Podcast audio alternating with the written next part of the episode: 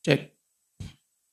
Baik jamaah sekalian, kita awali majelis kita dengan lafaz basmalah. Bismillahirrahmanirrahim.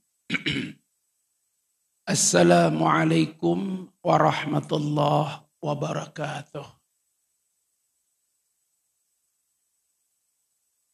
Alhamdulillahi wa kafa.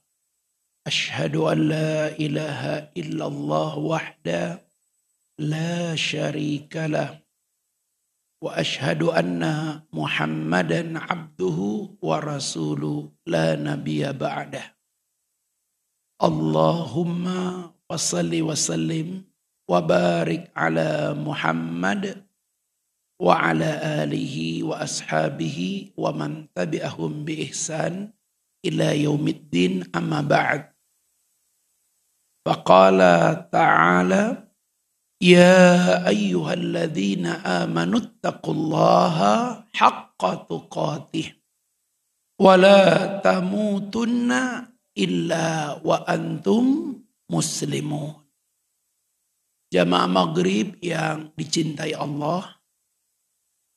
Malam ini kita bersyukur kita sudah memasuki malam ke-14 Hari ini hari ke-13 di bulan Sya'ban. Insya Allah 17 hari ke depan Allah berikan kita kesempatan, kesehatan dan selalu dalam keadaan taat sehingga kita bisa memasuki Ramadan tahun ini dalam keadaan Ramadan terbaik. Bulan yang lalu kita sudah memberikan pengantar terkait dengan persiapan kita menuju menyongsong datangnya Ramadan. Saya refresh kembali, ada tiga yang perlu kita siapkan. Yang pertama, kita memanage waktu kita dengan lebih baik. Karena Ramadan itu lebih banyak orang sukses tergantung kemampuan memanage waktu dengan baik. Orang gagal bukan gak pintar. Orang gagal bukan bodoh. Tapi rata-rata orang gagal itu adalah dia tidak bisa mengoptimalkan waktunya dengan baik. Makanya ulama mendefinisikan waktu dengan kalimat sederhana. Apa kata ulama? Al-waktu huwal haya. Waktu itulah kehidupan.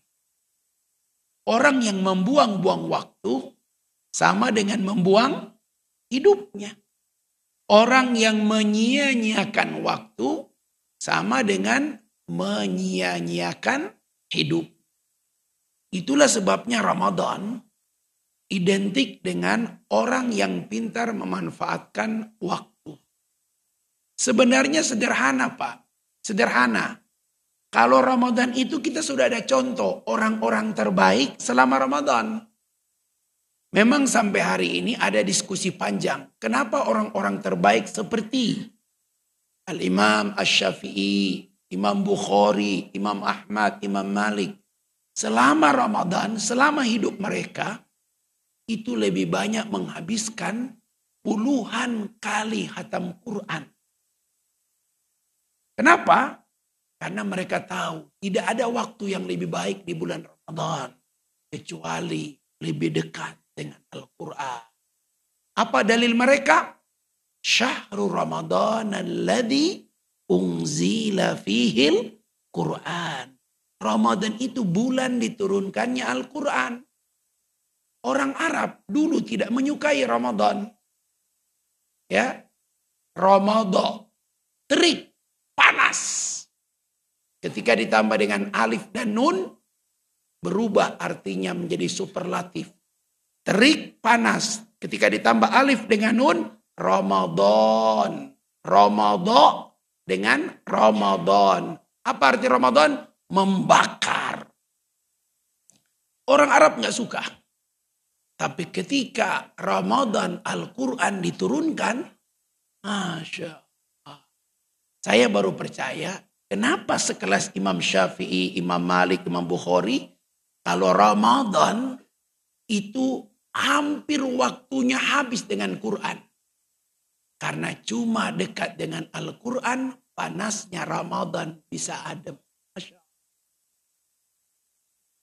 Jadi bapak-bapak kalau bisa bapak kebetulan kepala keluarga siapkan mushaf untuk masing-masing anggota keluarga.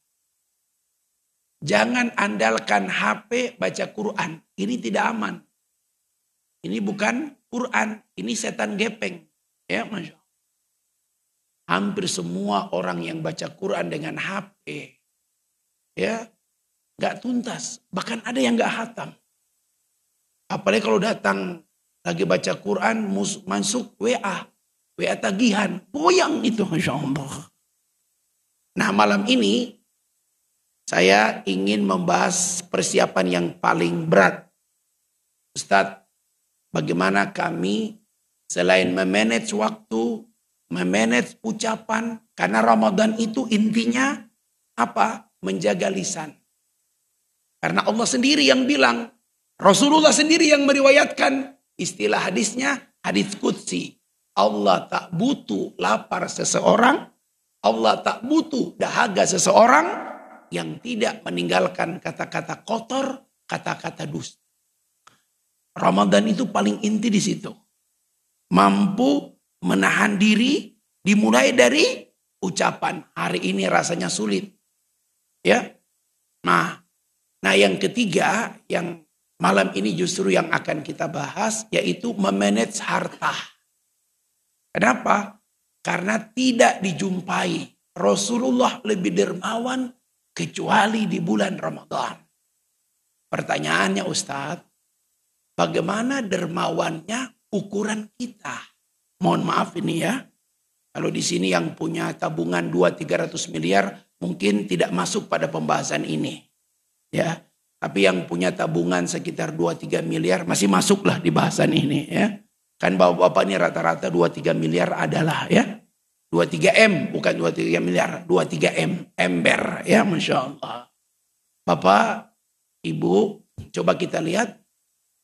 Ustadz apa yang dimaksud dengan memanage harta sehingga Ramadan itu. Kalau dari sekarang Pak kita tidak atur. Pokoknya rahasianya satu aja Pak. Jangan sampai Ramadan tabungan tidak berkurang. Itu rumus besarnya. Jangan sampai Ramadan tabungan tidak berkurang. Ustadz, yang berkurang yang dari mana lagi Ustadz? Masya Allah. Mari kita lihat. Apakah sifat dermawan itu hanya milik orang kaya? Orang kaya kalau berderma sampai bangun masjid, Mungkin dari kacamata kita, wah. Tapi orang kaya berderma bangun masjid tidak pernah merasa rugi. Beda dengan orang pas-pasan, orang miskin berderma. Itu dramatisnya luar biasa. Ya, kadang-kadang kalau dia berderma 50 ribu, itu terancam besok nggak sarapan. Mana lebih berat, berat lebih kalau bahasa ini mana lebih dramatis? Orang kaya bangun satu masjid atau seseorang yang berderma 50 ribu tapi besok pagi nggak sarapan. Mana lebih dramatis? Karena Allah tidak menilai jumlah. Tapi sisi pengorbanan. Mari kita lihat ayat dalam Al-Quran. Mudah-mudahan ternyata Allah tak menilai berapa jumlah yang kita berikan. Tapi beratnya, kesungguhannya, keikhlasan kita itu berinfak, itu yang kemudian sampai ada sahabat yang diabadikan dalam Al-Quran. Ya, mari kita lihat Quran surat Al-Hasyr. Surat yang ke-59. Ayat yang ke-9. Ya. Ini terkait ketika hijrah. Walladina orang-orang Ansor yang telah menempati kota Madinah ya. Mereka mendahulukan saudara mereka orang-orang muhajirin. Sampai pada ya sampai pada wala yajiduna fi sudurhim hajatan mimma utu. Sampai pada level di mana mereka tidak lagi punya rasa di dalam relung hati mereka ya sesuatu yang memberatkan ketika menolong saudaranya orang Ansar. Sampai pada level apa itu? Ya, sampai pada level apa yang disebut dengan isar.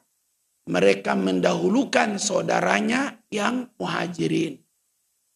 Bapak-bapak, jadi ayat ini ternyata pagi-pagi sekali habis sholat subuh Nabi memanggil seseorang. Ya fulan ta'al. Apa yang kau perbuat semalam sehingga Allah Subhanahu wa taala menurunkan ayat ini. Ya. Jadi ini ada sahabat ketika dia duduk di majelis Rasul waktu Isya. Rasul tanya, siapa yang bisa? Jadi orang muhajirin itu kan udah dibagi-bagi.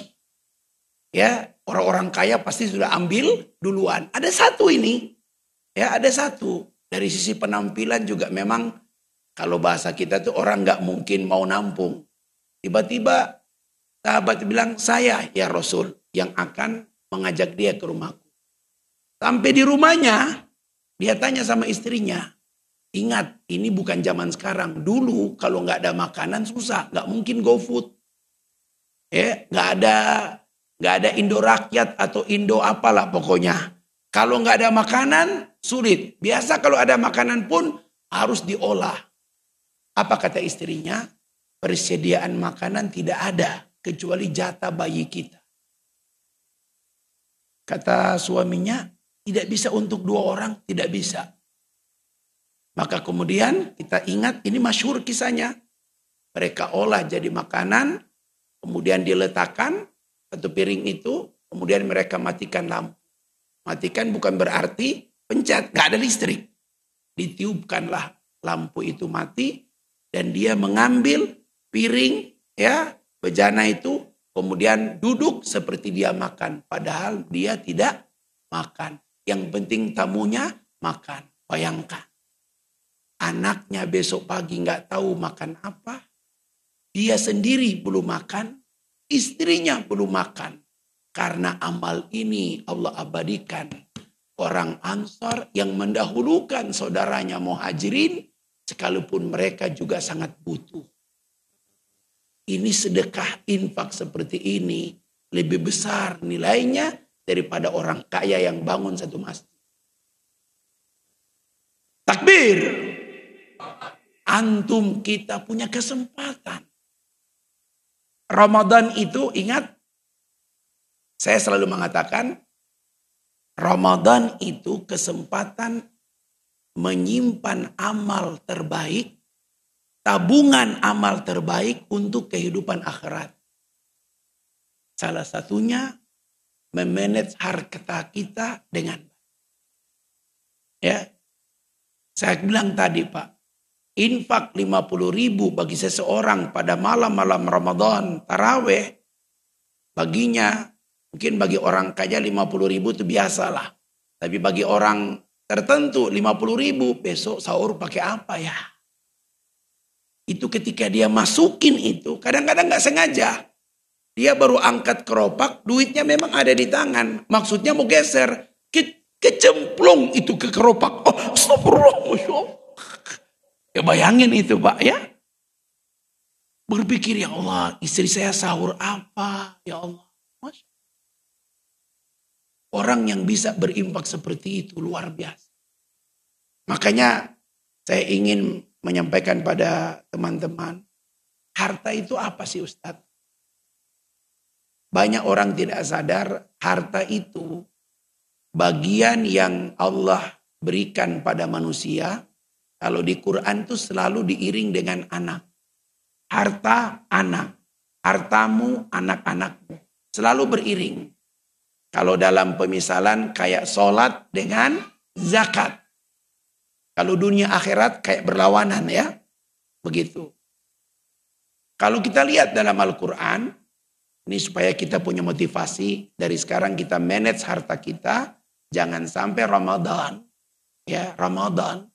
Kita tidak sampai pada level dramatis. Sempat berinfak dari sesuatu yang paling kita butuhkan. Ya. Contoh nolong saudara kita butuh. Tapi kita lihat suaminya sakit.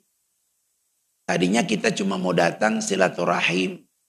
Boro-boro buat bekal. Tadinya cuma mau silaturahim. Tengok adik sebelum Ramadan. Lihat keadaan mereka. Karena almarhum berpesan. Lihat-lihat adik. Rasa-rasanya kita ini udah sekian lama jarang datang ke rumah adik. Pas kita datang, ternyata suami adik kita itu sakit. Kita tanya, udah berapa lama? Udah ke dokter? Udah bang. Cuman kan gitu. Kondisinya makin parah. Miris kita. Tadinya kita mau ngasih nasihat Ramadan. Supaya lebih istiqomah. Semua nasihat nggak berguna waktu itu. Yang berguna kita buka dompet kita. Ya, berapapun isinya kita ambil semua kita kasihkan ke tangan adik kita. Kira-kira apa responnya? Air. Dia pasti nangis. Dia perlu kita bang. Udah hampir sebulan bang, suami gak ini mah. Itu luar biasa. Air mata adik kita itu pak. Itu yang akan membuat tulang mata yang sudah berkubang tanah di alam kubur basah. Adik kita yang nangis, tulang mata almarhum orang tua kita itu juga basah. Tapi basah. Dia haru. Dia lihat abang anaknya yang lain masih memperhatikan saudara. Makanya dalam hadis kata Nabi, satu dirham yang kau berikan pada kerabatmu lebih baik daripada jihad bisa bilih. Hanya teman-teman ada waktu 16 hari lah kalau mulai besok ya. Tengoklah. Apalagi kita tahu di antara keluarga itu ada yang mohon maaf kehidupannya sulit. Dampak COVID ini masih baru mulai apa namanya. Apalagi kalau kita lihat kayak di Tanjung Priuk ya, di Pelumpang sekarang ini Masya Allah. Sampai tadi sore sudah 17 orang yang meninggal. Itulah sebabnya Ramadan tahun ini benar-benar kita optimalkan. Salah satunya memanage harta kita dengan baik. Sebab kalau kita tidak atur dengan baik, mohon maaf. Tak ada bab yang paling sulit di hari kiamat kecuali bab harta. La tazulu qadama abdin yaumil qiyamah hatta yus'alu an arba. Tidak bergerak telapak kakimu di hari kiamat kecuali ditanyakan kepadamu tentang empat perkara. Di antara empat perkara yang paling sulit adalah anmalihi tentang harta kita. Min aina iktasabah. Dari mana kamu peroleh? Wa fima anfaqah. Ke mana kamu belanjakan? Ya.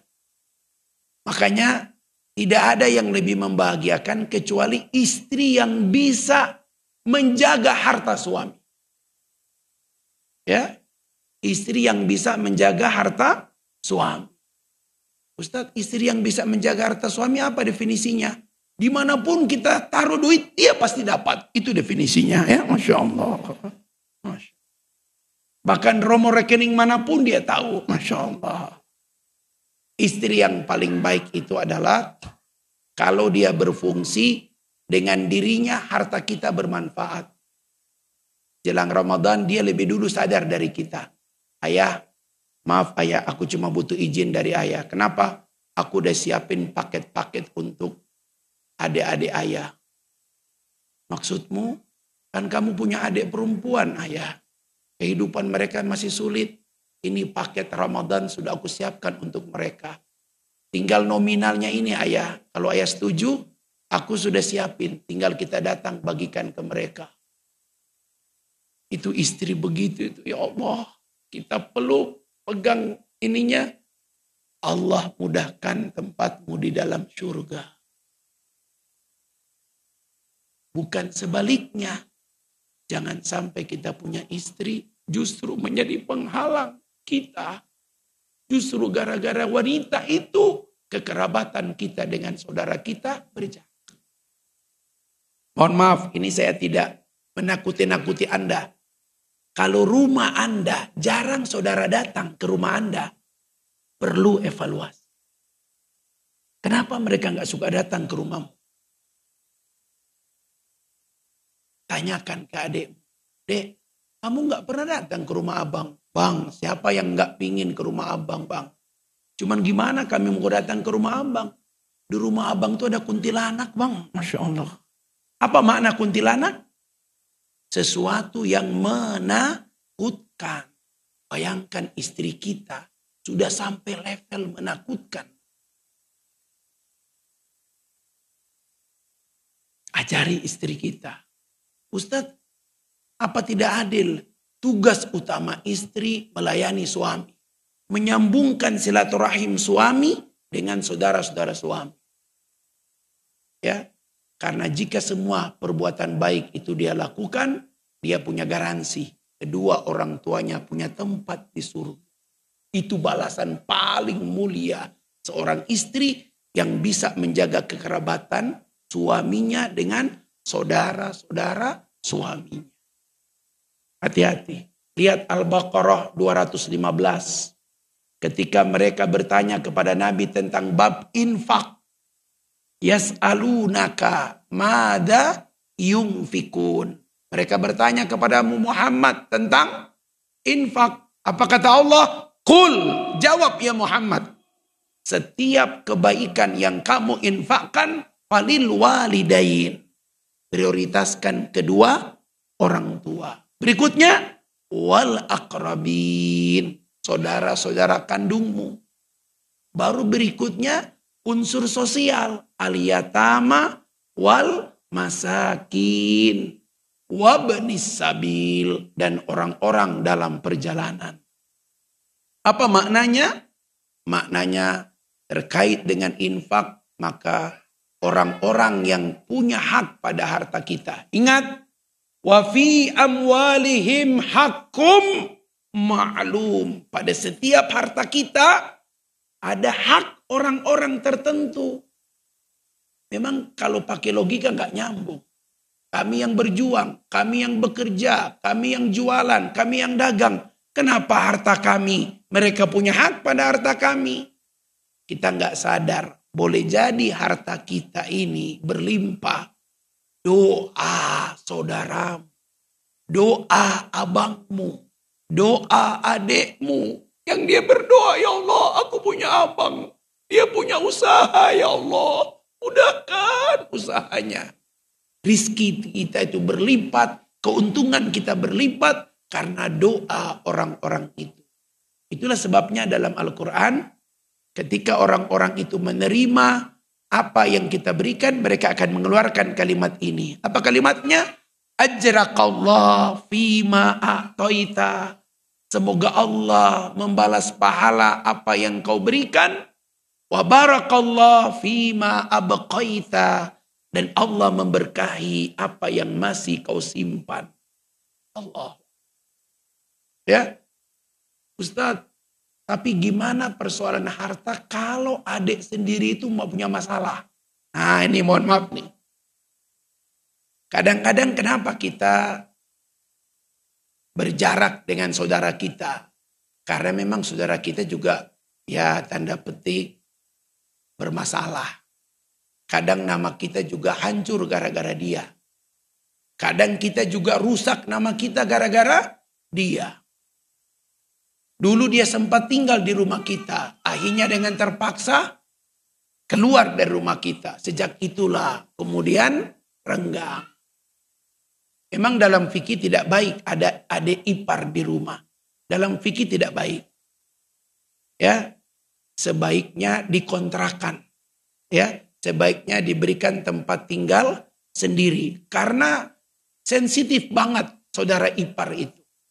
Baik adik kita menjadi ipar istri kita maupun adik dia menjadi ipar bagi kita. Nah, apa ini yang harus kita ambil pelajaran? Mari kita lihat Quran surat An-Nur surat ke-24 ayat 22. Mohon maaf ini yang punya saudara kandung. Ustadz ingatkan pada kalian. Sampai pada level orang terbaik yang pernah Nabi sebutkan dengan hadis. Jika iman orang ini ditimbang dengan manusia sampai hari kiamat. Jangankan melampaui. Menyamai iman orang ini tidak akan pernah. Orang yang dimaksud adalah Abu Bakar Siddiq. Dia punya saudara, tiap Jumat nafkah keluarganya diberikan jatahnya oleh Abu Bakar. Ternyata saudaranya ini ikut memfitnah Aisyah. Dalam deretan ayat Quran ini disebut dengan hadisul ifki. Berita bohong. Ya, hoax. Sebenarnya kata Abu Bakar, kalau cuman Aisyah putriku kau fitnah, saya tidak terlalu mempermasalahkan. Yang Abu Bakar marah pada saudaranya adalah yang dia fitnah itu adalah istri Nabi. Abu Bakar itu tidak suka kalau Nabi tersakiti. Begitu kuatnya cinta Abu Bakar kepada Rasulullah. Saking cintanya Abu Bakar kepada Rasulullah, keluar ucapan dari Abu Bakar kepada saudaranya itu. Wallahi, orang Arab kalau sudah keluarkan kalimat ini berat. Aku tidak akan lagi membantu. Kira-kira benar gak sikap Abu Bakar? Kalau pakai sikap secara ini, benar. Betul kan? Kita difitnah. Kita Mohon maaf ini kalau antum lebaran pulang kampung mau salaman dengan orang, gak ada orang yang mau salaman sama antum. Tiba-tiba antum bicara, kenapa kok orang jadi gak enak sama saya? Ternyata nama kamu udah rusak, dijelek-jelekkan oleh kemenakan yang numpang hidup tinggal di rumahmu. Dia ceritalah, nggak pernah dikasih makan lah, masya Allah. Ya, ngasih uang kendaraan ke, oh, masya Allah. Akhirnya orang jadi benci sama kita. Kira-kira kalau pulang lebaran lagi ke Jakarta atau ke Bogor, masih nggak boleh dia tinggal di rumah kita? Ya, pret. Jangan coba-coba injak rumah saya lagi. Itu normal. Tapi ternyata saudara kandung itu di atas yang normal. Apa kata Allah ketika Abu Bakar bersumpah seperti itu? Kata Allah, An-Nur ayat 22 wala ya'tali ulul fadli minkum wasa'ah.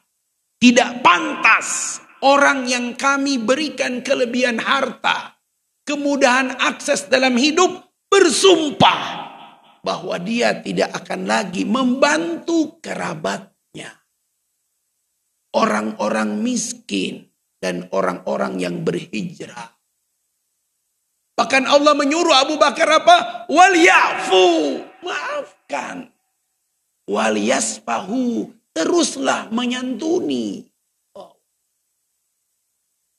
Ternyata Pak, saudara kandung tidak akan rusak walaupun dia perbuatan apa. Perbuatan dosanya urusan dia dengan Allah. Tapi kebaikan kita tidak boleh kita putuskan hanya karena perbuatan. Ustadz sekuat apa sih saudara kandung sampai begitu Allah jaga. Pak, kita dengan istri ikatannya air. Dia menjadi suci karena ada akad nikah. Tapi pengadilan bisa membuat ikatan air pisah. Ada namanya fasa, pembatalan pernikahan. Pengadilan bisa. Ada gugatan namanya cerai. Atau gugatan namanya khulu. Kalau cerai dari suami, hulu dari istri. Bisa, bisa. Cuma air.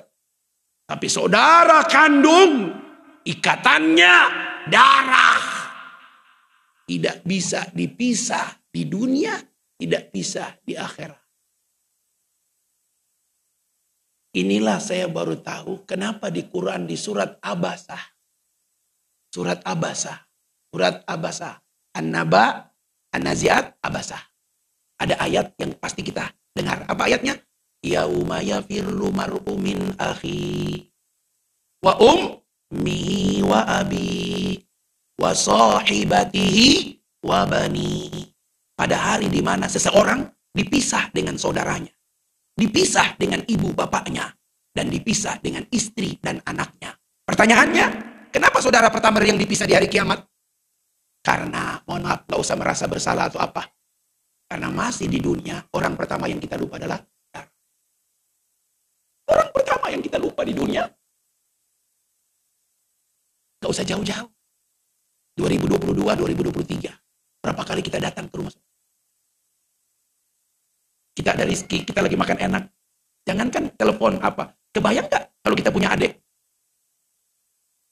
Ramadan. Manage harta kita. Ya. Mohon maaf. Kerabat itu. Antum lihat urutannya. Ini urutan yang tidak mungkin berubah. An-Nisa ayat 36. Lihat urutannya. Ini sampai teman SMA ada, teman kantor ada, tetangga ada. Semua ini paling lengkap urutan kebaikan dalam agama kita. Quran surat An-Nisa ayat 36. Lihat ayatnya. Wa'budullaha wa la tusyriku bihi syai'an. Sembahlah Allah, jangan kau sekutukan dia dengan sesuatu apa pun. Tauhid. Dua, wabil walidaini, berbuat baik kepada kedua orang tua. Tiga, wal akrabin. Kerabat.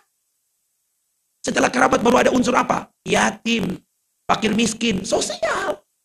Berikutnya, aljar, Tetangga berikutnya, tetangga dekat, tetangga jauh.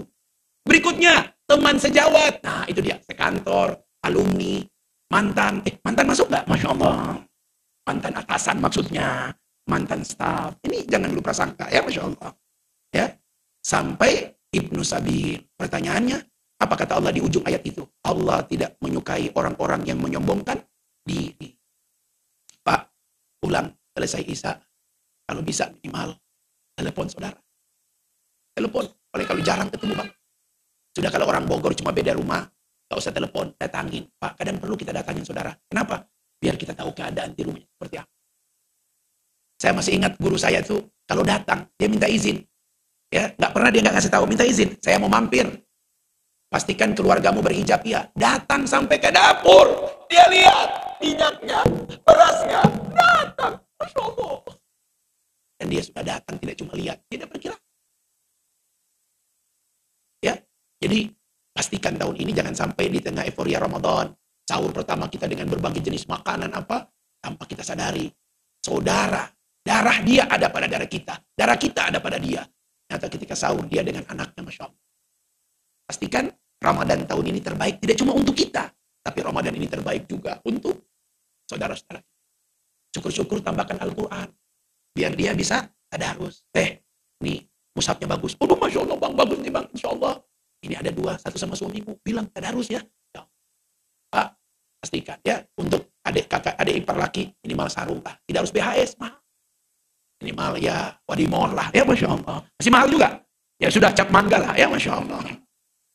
Pastikan Ramadan, karena tahun ini Ramadan kita dimulai hari libur. Tarawih kita rebo, hari nyepi. Hari Kemis, libur nasional juga. Berturut-turut. Bayangkan kalau dia datang ke masjid, Masya Allah. Teman-teman pegang pokoknya. Pokok baru ya. Iya ini dari abang ipar saya di Bogor ini. Masya Allah. Bangga sekali. Buat mereka tersenyum. Biar tulang yang sudah berkubang tanah di alam kubur. Almarhum. Almarhumah. Itu harum. Ya Allah. Tahun ini anak-anakku Ramadan dengan keceriaan. Kenapa? Saudaranya yang mampu berbagi. Masya Allah. Apalagi kalau kita punya abang yang memang udah tua, dan juga kehidupannya kita tahu dari dulu seperti apa.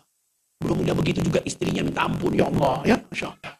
Kita datangin abang kita itu ya. Yang mulia, abang datang ke adik. Kalau adik datang ke abang, normal. Tapi kalau siapa yang dalam kesulitan, itu yang kita prioritas. Supaya Ramadan tahun ini akan lebih baik untuk semua saudara-saudara kita. Amin. Ya Rabbal Alamin. Mangga.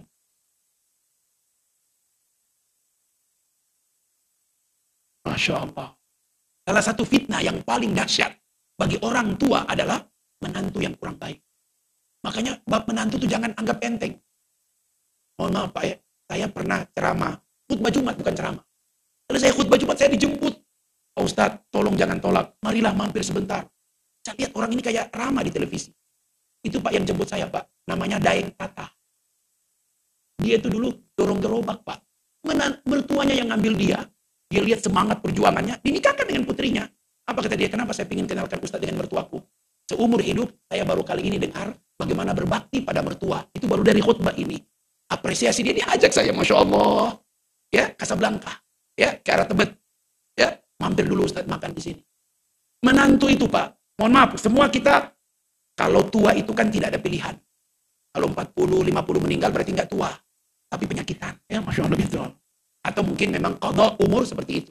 Tapi kalau kita tua, itu yang paling ikut menentukan menantu yang baik. Makanya mohon maaf ini, jangan salah pilih menantu. Hari ini orang tua tinggal merestui. Tidak diberi kesempatan oleh anak-anak untuk menilai. Ayah, ini undangannya udah jadi semua. Kadang-kadang anak-anak punya niat baik, tidak ingin merepotkan orang tua. Tapi orang tua punya hak menilai calon menantunya. Kenapa? Salah pilih menantu, resiko hari tua tanggung sendiri. Karena menantu dan hantu beda tipis. Kalau menantu itu Pak, kita lagi pingin makan mangga, belum musim mangga. Lima menit, Assalamualaikum, ayah, ayah sehat-sehat. Ayah, coba nih ada mangga enak banget. Tadi saya beli di mall, sudah dipotong, ini ada garpunya, kita cicip ya Allah. Bang, enak. Tapi kita lagi santai datang dia. Assalamualaikum ayah, waalaikumsalam. Ayah sehat-sehat. Ayah, kelihatan rumah ayah luas. Iya. Ada kelebihan tanah? Ah, dana. Ayah, ada sertifikatnya enggak? Allah. Kira-kira apa ini? Menantu atau bapak sendiri yang bilang? Nah itulah sebabnya kalau lagi di masjid, maghrib sampai isya, mohon maaf ini yang sudah punya anak gadis, anak remaja, di antara doa itu minta kepada Allah agar anak-anak kita diberikan pasangan terbaik untuk dunia dan akhirat. Itu sejarah. Ya Allah, limpahkan pada anak gadisku pasangan hidup yang terbaik untuk dunia dan akhirat. Karena kalaupun tidak mengganggu secara cash flow, tapi kalau menantu bermasalah, kepikir. Makin tua, makin sensitif kita berpikir, makin terganggu. Itulah sebabnya di antara tugas kita para orang tua, doakan agar anak-anak kita punya pasangan hidup yang baik untuk dunia dan akhiratnya. Ya, mudah-mudahan Allah memberkahi waktu-waktu kita dan tahun ini Ramadan kita menjadi Ramadan terbaik tidak cuma bagi kita, tapi bagi saudara, saudara kandung kita. Selesai Isa yang sudah lama nggak kumpul nggak apa, minimal telepon. Tanya, bang, gimana kau bang? Kalau adek panggil nama nggak apa-apa. J, kamu di mana? Tanya gimana keluarga. Ingat Ramadan, 16 hari lagi. Mudah-mudahan dengan begitu. Ya, Ramadan tahun ini buat tulang belulang berkubang tanah almarhum almarhumah bangga karena kita tidak membiarkan ya amanat beliau dulu memperhatikan saudara-saudara. Baik jamaah sekalian, mudah-mudahan Allah memberkahi dan Allah mengampuni khilaf dan salah kita. Kita cukupkan subhanaka Allahumma wa bihamdika syahadu an la ilaha illa anta astaghfiruka wa atubu ilaik. Wallahu muwaffiq ila aqwamit thariq illa bisabil haq. Assalamualaikum warahmatullahi wabarakatuh.